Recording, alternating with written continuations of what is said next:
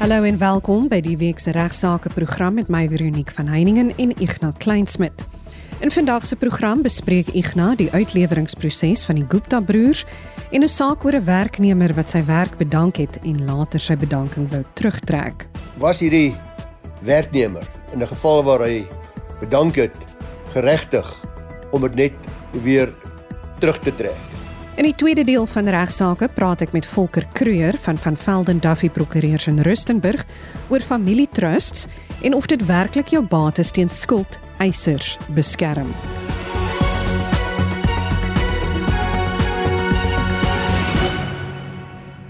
Ons sluit nou aan by Ignas Kleinsmid.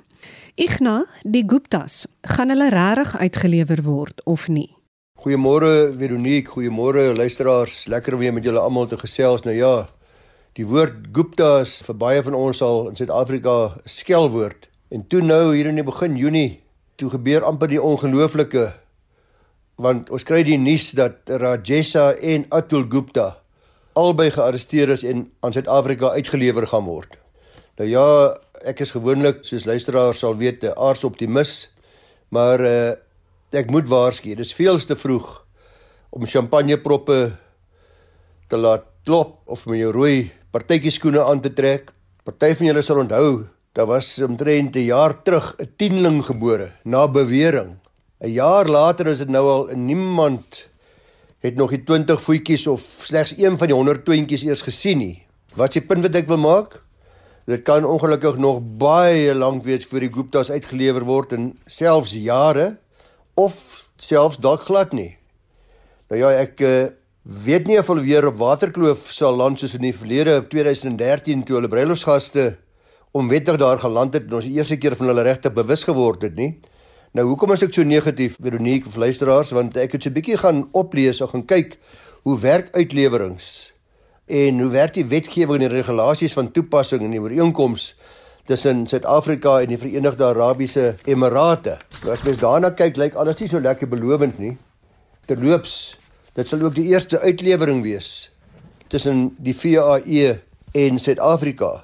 Nou in die Verenigde Arabiese Emirate, dis nou kom ons praat maar van Dubai dan, maar dis die bekendste deel daarvan word uitlewerings beheer deur 'n wet wat hulle noem the Law on Mutual Judicial Assistance in Criminal Matters. Hierdie is dieselfde federale wet wat ook handel met die bepalinge wat van toepassing is op ons uitleweringsooreenkoms met die VAE en Suid-Afrika. Dis 'n ooreenkoms wat al in 2018 gerateer is, maar wat eers hier op 9de Junie 2021 is daai ooreenkoms eers deur Suid-Afrika onderteken. Uitlewerings beteken beslis nie as jy na daai ooreenkoms kyk net dat hulle sommer een van die dae in Suid-Afrika gaan aankom na hulle gearresteer is nie. Daar's baie ander wette van die VAE wat ook 'n rol speel dis baie duidelik hier volgens as jy daarna gaan kyk en ek het dit gaan lees, dis 'n ingewikkelde en tydsame proses. Nie tenstaan in die uitleweringsooreenkomste wat voorlê. In die VAE is daar uitgebreide regsmeganismes. Wat beteken die Gupta's het nog verskeie moontlike maniere om die uitlewering te opponeer of selfs te probeer keer. En ek geen twyfel nie, ons weet dat hulle dalk met ons geld oor genoeg het om alles in die stryd te werp om uitlewering te vermy of te voorkom. Hulle kan onder andere luisteraars kan hulle beroep doen op Interpol, die plaaslike Interpol daar in die Verenigde Arabiese Emirate, maar ek dink dis onwaarskynlik want Interpol wêreldwyd het 'n rooi kennisgewing gepubliseer en dan het hulle ook natuurlik die reg om na hulle hulle noem dit cassation court of hulle sogenaamde hof van appel te gaan. Hulle kan ook 'n beroep doen op die minister van Justisie en ook die minister van Binnelandse Sake om hulle behulpsaam te wees om hierdie uitlewering te keer en die redes wat hulle daarvoor kan gee in terme van die federale wetgewing van 2006 word ook volledig gedek deur artikel 4 van die uitleweringsooreenkoms tussen ons en daardie land. Eerstens byvoorbeeld kan hulle sê dat Suid-Afrika hulle aan onmenslike behandeling gaan onderwerp as hulle uitgelewer word dat ons met ander woorde barbaars teenoor hulle sal optree. Om met ander woorde te sê, hulle kan ook byvoorbeeld sê dat hierdie niks anders is as 'n politieke gemotiveerde arrestasie en uitlewering nie. Hierdie argument is natuurlik ook deel van baie mense het gesê die Zondo-kommissie was 'n politieke heksejag. Hulle sal definitief daardie argument ook gebruik en ek dink dit is 'n argument wat hulle baie deeglik op die proef sal stel.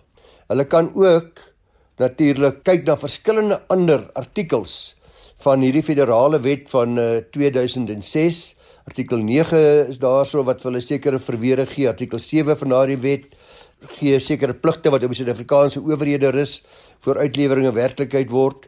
Daar's verskeie voorwaardes wat in daardie wetgewing voorkom ook in die ooreenkomste wat ons met hulle aangegaan het. Onder andere is daar 'n voorwaarde dat daar absolute gelyke behandeling moet wees. Dat hulle behandel moet word soos enige ander persoon in Suid-Afrika behandel moet word.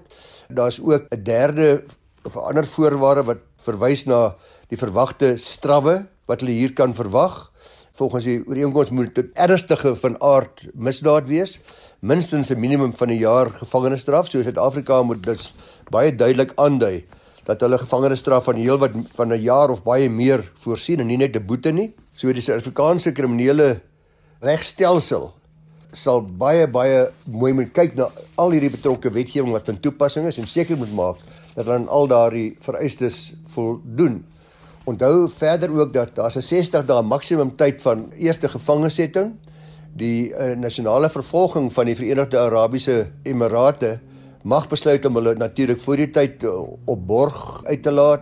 Daar kan sekuriteitsdeposito's gevra word of ander waarborge gevra word. So vir daardie van ons wat daarop staat maak of hoop of duim vashou dat hulle in die tronk gaan wees totdat hulle in Suid-Afrika uitgelewer word, ek dink nie dit gaan maklik gebeur nie ons maar moet kyk. So wees maar geduldig.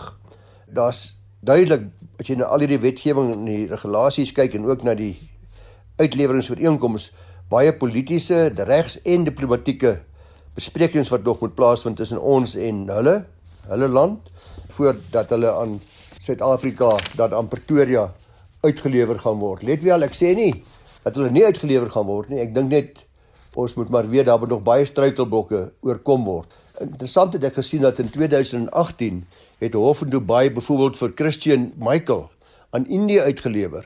Ook uh, na daar 'n korrupsieskandaal was. Baie soortgelyke soort van feite is in daardie geval ook voorgekom en daar het hulle uitlewering suksesvol laat plaasvind.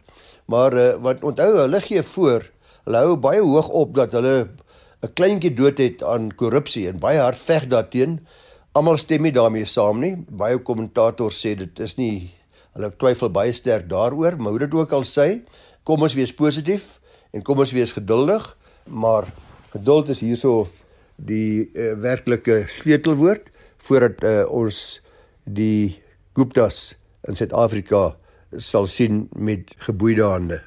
En nou bespreek Ignas 'n saak oor iemand wat sy werk bedank het en toe later sy bedanking wou terugtrek. Ja, luisteraars, ek wip vir my baas by die werk. Ek sê vir hom wat hy kan doen met sy werk en klap die deur toe en ek stap uit want ek bedank, ek is klaar. Of byvoorbeeld ek het Sondag aand by baie laat gekuier en Maandagoggend voel ek baie lekker en ek sê baie negatief teenoor my werk nie, dis in terug te gaan nie. Ek skryf 'n nota aan my werkgewer dat ek uh, bedank. My vrou en my kinders raas met my of ek besef self dit was dalk nie so oulike gedagte gewees nie en uh, skryf 'n paar dae later weer 'n briefie wat ek sê nee, ek is jammer, ek trek my bedanking terug. Die bestuurder sê dis reg. Kom maar terug of wat ek nogal. Nou die vraag is wat die hof moes onlangs vra, die arbeidshof, is ek nou weer aangestel? Is alles weer honkie dorie, is alles weer klop dusselboom, is alles weer voorwaarts mars of nie regtig nie. So luister nou baie mooi want wat ek eintlik vir julle almal wil sê is wat ons arbeidshof sê is dat ons moet almal tot 1000 tel voor jy sommer net bedank. In hierdie geval was dit by die dokter JS Boroka munisipaliteit. Hulle was onder administrasie op daardie stadium en die administrateur wat aangestel is, meneer Mslanga het met hierdie saak gehanteer. Die werknemer het 'n nota geskryf wat sê hy het een of ander geheimsinnige siekte en hy bedank met onmiddellike effek. Dit was op die 1 April 2021. Nou 15 dae later op een of ander uh, wonderbaarlike manier is hierdie siekte toestand toe nou verby en skryf hy weer 'n brief aan sy uh, werkgewer waarin hy sy bedanking terugtrek. Op dieselfde dag uh, kry hy 'n brief van meneer Maslanga, die administrateur wat hom in kennis stel dat jammer sy uh, terugtrekking van sy bedanking word nie aanvaar nie. Hy beweer hy het hierdie brief nooit gekry nie en hy gaan terug werk toe en hy kry ook sy salaris vir April of die gedeeltelike salaris en uh hy vra toe vir die waarnemende munisipale bestuurder om uh of hy maar kan aangaan met die werk en die sê toe ja, hy kan maar aangaan. Hy hy aanvaar dit dat uh, hy weer in diens is. So die administrateur sê nee, die waarnemende munisipale bestuurder sê ja. Nou is die vraag: Was hierdie werknemer in 'n geval waar hy bedank het geregtig om dit net weer terug te trek? Die hof sê in hierdie geval dat ons moet onthou dat 'n bedanking is 'n eensydige handeling. Dit verg nie 'n antwoord vanaf die werkgewer nie. As ek bedank wie werkgewer dit nie te aanvaar of wat ek nogal nie. Ek het klaar bedank. Die werkgewer hoef niks te doen. Hy kan net stil bly en dan is die bedanking 'n werklikheid. So daar's iets soos 'n afkoelperiode in die wetgewing of enige ander wyse wat mense kan sê oor 'n week of twee, jammer ek het net 'n bietjie weer daaroor gedink nie. Werk nie so nie. Die hof verduidelik baie mooi in hierdie saak dat wanneer 'n mens bedank dan en jy wil weer aangestel word of jy wil jou bedanking terugtrek, dan is dit eintlik weer 'n heraanstelling. Jy word weer opnuut in diens geplaas. Dis 'n nuwe aanstelling en 'n nuwe dienskontrak wat in werking tree. So die hof het dan gekyk na meneer Maslanga se weiering en die munisipale bestuurder se aanvaarding van die terugtrekking van die bedanking en die hof sê jammer. Die persoon in hierdie geval die munisipale bestuurder wat dan nou die terugtrekking aanvaar het in sy verteenwoordigende hoedanigheid moes die magtiging gehad het om dit te doen. As hy die magtiging gehad het om eensydiglik mense in dienste plaas of in aan te stel, dan sal dit in orde wees, maar in hierdie geval binne die munisipaliteit was dit duidelik ook. As jy kyk na die munisipale finansiële bestuurswetgewing van 2003, dat 'n aanstelling moet deur die hele proses gaan by 'n munisipaliteit en dat 'n munisipale bestuurder waarnemend of nie, het nie net die magte om 'n uh, persoon net weer heraan te stel nie. So die hof sê jammer uh, aan hierdie werknemer, jou bedanking is finaal en jy moet maar weer soos enige ander persoon weer heraansoek doen vir 'n werk as jy weer by daardie munisipaliteit in diens wil tree. So luisteraars, soos ek gesê het, maak maar baie seker dat 'n mens nie sommer net bedank voor jy baie mooi daaroor besin het nie. Dit dan my deel van vandag se regsaake. Vir die meeste briewe wat ek kry kom van mense wat sukkel om hulle onderhoud te vorder vir al agterstallige onderhoud. Luister gerus volgende week dat ek so 'n paar gedagtes met die daaroor gaan wissel so van my kant af en van die prokureursorde van Suid-Afrika namens wie ek eh, deelneem aan hierdie program. Lekker dag vir u en luister gerus saam met my na die res van regsaake met ons spesialis gas. Dankie Ignas vir die week se interessante sake wat jy met ons gedeel het. Ek praat nou met Volker Kreur oor die stigting van familietrusts. Volker, mens word dikwels adviseer dat jy 'n familietrust moet stig om bates teen skuldeisers te beskerm. Stem jy saam daarmee? Ja, Veronique, as algemene reël is dit inderdaad so dat trustbates nie vatbaar is vir beslaglegging vir die skulde van die oprigter, die trustees of die begunstigdes van 'n trust nie. Soos jy byvoorbeeld 'n riskante besigheid bedryf en jy koop 'n eiendom soos 'n plaas in die naam van 'n trust en dit uh, loop dalk skeef die besigheid en uh, skuldeisers slaan toe lê beslag op bates en daar's dalk selfs insolventie dan as 'n algemene reël kan hulle nie die trustbates vat nie. So dit kan dus wel deel wees van 'n risikoplan, 'n risikobestuur wat 'n mens toepas om bates teen skuldeisers te beskerm. Maar dis die algemene reël. Daar's egter uitsonderings en ek dink 'n mens moet dalk beklemtoon dat dit nie so eenvoudig is soos wat dit dalk mag klink nie. So byvoorbeeld kan 'n mens nie net bates skuif van jou persoonlike boedel na die trust toe nie. Dit skenk basis aan die trust en dan dink dat dit beskerm gaan wees teen skuldeisers. Anders gaan almal mos wat op die rand van insolventie staan wat dalk finansiële probleme het, sommer net bates skuif na hulle trust toe of na hulle gade toe of na hulle kind toe of wat ook al. So die wetgewing spesifiek die insolventiewet maak daarvoor voorsiening dat sulke transaksies ongedaan gemaak kan word. En in die verband was daar nou onlangs 'n uh, hofsaak, die strydom beslissing in die Wes-Kaapse Hooggeregshof waar die hof spesifiek met artikel 26 van die insolventiewet gehandel het.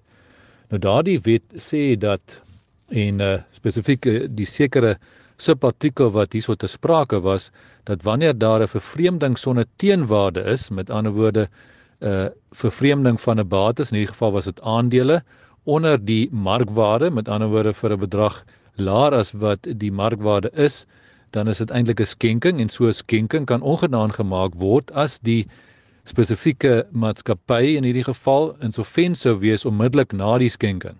So dis wanneer dit langer as 2 jaar is. As dit binne 2 jaar tydperk is vanaf die datum van insolventie, dan skuif die bewyslas weer. So ek wil nog nie op te veel detail ingaan nie wat daai beslissing aanbetref nie, maar my punt is dat die hofsaak maak dit myns insiens weer duidelik dat dit nie so eenvoudig is om net bates te skuif van jou eie boedel na 'n trust toe om die bates teen skuldhuisers te beskerm nie. Maar as jy 'n trust baie jare terug gestig het en jy het heel wettiglik sonder enige kwade bedoelings 'n bate aangekoop in die naam van die trust om te beskerm met begunstigdes en so meer en jy word nou insolvent verklaar dan as 'n algemene reël weer eens as 'n uitgangspunt is daardie bates veilig en kan nie deur skuldhuisers gevat word nie. Goed. Maar dan hoor mens ook dat mans soms familietrust stig om bates van hulle eggenote weg te hou. Wat is jou mening daaroor? Ja, ek moet bieg dat die mans gewoonlik die vark in die verhaal is, ongelukkig en dat dit dan dikwels by egskeidings te sprake kom dat uh, waar die man byvoorbeeld binne gemeenskap van goedere getroud was of buite gemeenskap van goedere met die aanwasbedeling en daar's 'n verdeling van bates as deel van die egskeiding te sprake dat dit dan blyk dat die man bates geskuif het na 'n trust toe om dit weg te hou van die vrou en te sorg dat dit nie gedeel hoef te word met die vrou nie. Nou ook dit is uh nie so eenvoudig nie en daar was daar ook 'n onlangse beslissing. Ek gaan dit nou maar afkort as die PAF beslissing waar dit gegaan het oor 'n egskeiding en waar die party inderdaad buitegemeenskap van goedere met die aanwasbedeling getroud was en die vrou het in daardie geval geargumenteer dat die spesifieke trustbates moet deel wees van die groei van die man se boedel vir doeleindes van die berekening van die aanwas van die man en die toepassing van die aanwasbedeling. Soos die uh, luisteraars dalk sal weet as jy buitegemeenskap van goedere getroud is met die aanwasbedeling, dan beteken dit dat die gade wie se aanwas gedurende die huwelik kleiner was, is geregtig om die helfte van die verskil in die aanwas te eis. So as die man nou trust bates probeer wegsteek en die hof beslis dat daai trustbates moet as deel van die man se boedel beskou word vir doenes van die aanwasbedeling, dan kan dit nogal groot verskil maak aan die bedrag wat die vrou in die geval van 'n egskeiding kan eis. En die goeie nuus in hierdie geval vir die vrou was inderdaad dat sy suksesvol was om die hof te oortuig dat trustbates in hierdie geval ook buitelandse trustbates deel moet vorm van die man se aanwas vir doenes van die berekening van haar eis. So ook wat buitelandse bates aanbetref, is dit duidelik uit hierdie beslissing en ook ander hofsaake dat buitelandse bates is ook deel van 'n uh, gade se aanwas. Met ander woorde is nie net Suid-Afrikaanse bates nie, maar alles wat die gade buite Suid-Afrika opgegaar het ook in berekening gebring moet word. So uh, weer eens die algemene reël, soos maar met baie regsbeginsels is daar algemene reël en uitsonderings. So in hierdie geval is die algemene reël inderdaad sodat trustbates nie deel vorm van 'n gade se boedel nie vir doenes van die huwelik binne gemeenskap vir goedere of die aanwasbedeling nie, maar daar's uitsondering. As jy kan bewys dat jy byvoorbeeld die trust as 'n alter ego gebruik het, met ander woorde as 'n verlengstuk van jouself, net om die bates weg te hou van jou vrou byvoorbeeld, dan kan die hof sê nee, wat daai trust kan nie gebruik word om die vrou te onneem van 'n regverdige deel van jou boedel vir doeleindes van 'n egskeiding nie. En wat van die gebruik van 'n familietrust om belasting te ontduik? Dit is mos nog 'n slim manier om familietrust tot jou voordeel te gebruik of hoe? Ja, Veronique, weer eens as 'n uh, uitgangspunt is dit so dat 'n mens nogal boedelbelasting kan bespaar, kapitaalwinsbelasting kan bespaar, inkomstebelasting wettiglik kan bespaar deur die uh, inkomste van die trust te kanaliseer na die verskillende begunstigdes en so meer deur 'n trust te gebruik. Maar dis ook nie so eenvoudig soos wat dit mag klink nie weer eens. Die advies wat 'n mens baie keer hoor is dat jy 'n trust moet oprig en dan gaan jy ongelooflik baie belasting kan vermy en dit gaan al jou belastingprobleme oplos en dit is die oplossing vir elke Jan Raap en Alleman, maar dit is definitief nie die geval nie. Ons moet maar mooi kyk na die omstandighede en dan besluit is dit die moeite werd om die kostes aan te gaan om 'n trust op te rig en aan die gang te hou na aanleiding van die potensiële belastingbesparing wat 'n mens kan bewerkstellig. Ek sou ook nooit aanbeveel dat 'n mens 'n trust oprig net vir die eindes van belastingvermyding. Daar behoort ander hoofoogmerke te wees en dan is 'n trust nou maar een van die byvoordele wat 'n mens kan bewerkstellig. Nou die voordeel wat kapitaalwinsbelasting wat boedelbelasting aan betref is maar gekoppel aan die feit weer eens dat 'n trust uh, se bates as 'n uitgangspunt nie beskou word as deel van jou boedel wanneer jy byvoorbeeld te sterwe sou kom.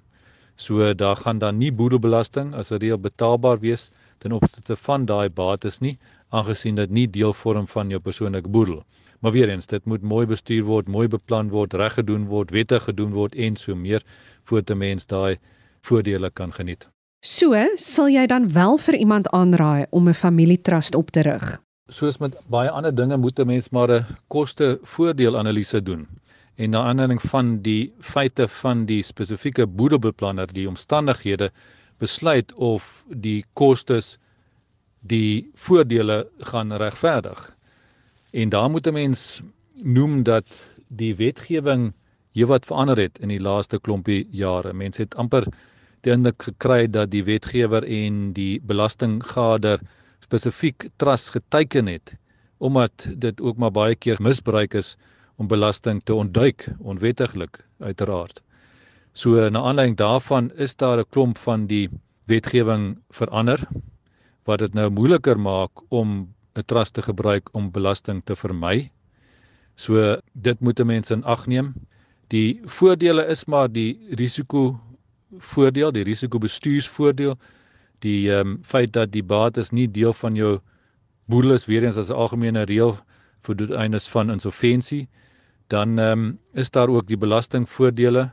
Dit is ook 'n baie effektiewe struktuur om te gebruik byvoorbeeld waar daar behoeftige persone is soos minderjariges of uh, dwelmverslaafde persone wat dalk nou nie self verantwoordelik bates kan bestuur nie, dan is 'n trust ook dikwels 'n effektiewe manier om vir sulke persone te sorg. So mens moet maar na elke geval kyk en dan besluit is dit die moeite werd om 'n trust op te rig. Maar ek moet sê ek het nogal baie hierdie gesprek met kliënte en deesdae is die slotsom wat kliënte gereeld maak meer gereeld die een wat sê dat dit nie die moeite werd gaan wees om 'n trust op te rig in die spesifieke kliënt se geval of in vergelyking met 'n klompie jare terug. So is definitief so dat die wetgewing 'n verskil maak. So as ek dit goed verduidelik vir die kliënt en hulle moet dan op die ouene die besluit maak, dan is daar meer kliënte wat besluit ag nee wat ek gaan dit maar liewers los as wat dalk 'n klompie jare terug die geval was. Dankie Volker. En wanneer dit kom by trustees en begunstigdes van 'n trust, wie sou mens dan aanstel? Daar is uitsonderings, maar in die meeste gevalle as iemand 'n trust oprig, gaan 'n mens maar voorstel dat die man en die vrou waar dan nou gades is, beide trustees is, tesame met 'n onafhanklike trustee, soos byvoorbeeld 'n ouditeur of 'n prokureur of 'n finansiële adviseur wat die nodige ondervinding en uh, kundigheid het om die uh, onafhanklike trustee te wees. Dan moet deesdae onafhanklike trustee wees om die trust te kan registreer by die meeste se kantore en is dit in elk geval baie goeie idee om 'n onafhanklike trustee te hê om seker te maak dat SARS en skuldeisers nie die geldigheid van die trust kan aanveg nie. Begunstigdes sou ek normaalweg maar voorstel dat dit die man en die vrou is en dan ook hulle afstammelinge. So een van die voordele van 'n trust is dat hy dan ewigdurend kan voortduur en om seker te maak dat dit die geval is, moet 'n mens maar voorsiening maak vir alle verdere afstammelinge van die man en die vrou as begunstigdes. Kan mense trust in 'n testament oprig? Ja, dis uh, korrek uh, Veronique, ons kry 'n uh, sogenaamde trust inter vivos wat opgerig word terwyl die oprigter nog lewe en dan kry jy 'n testamentêre trust wat opgerig word na die afsterwe van die oprigter.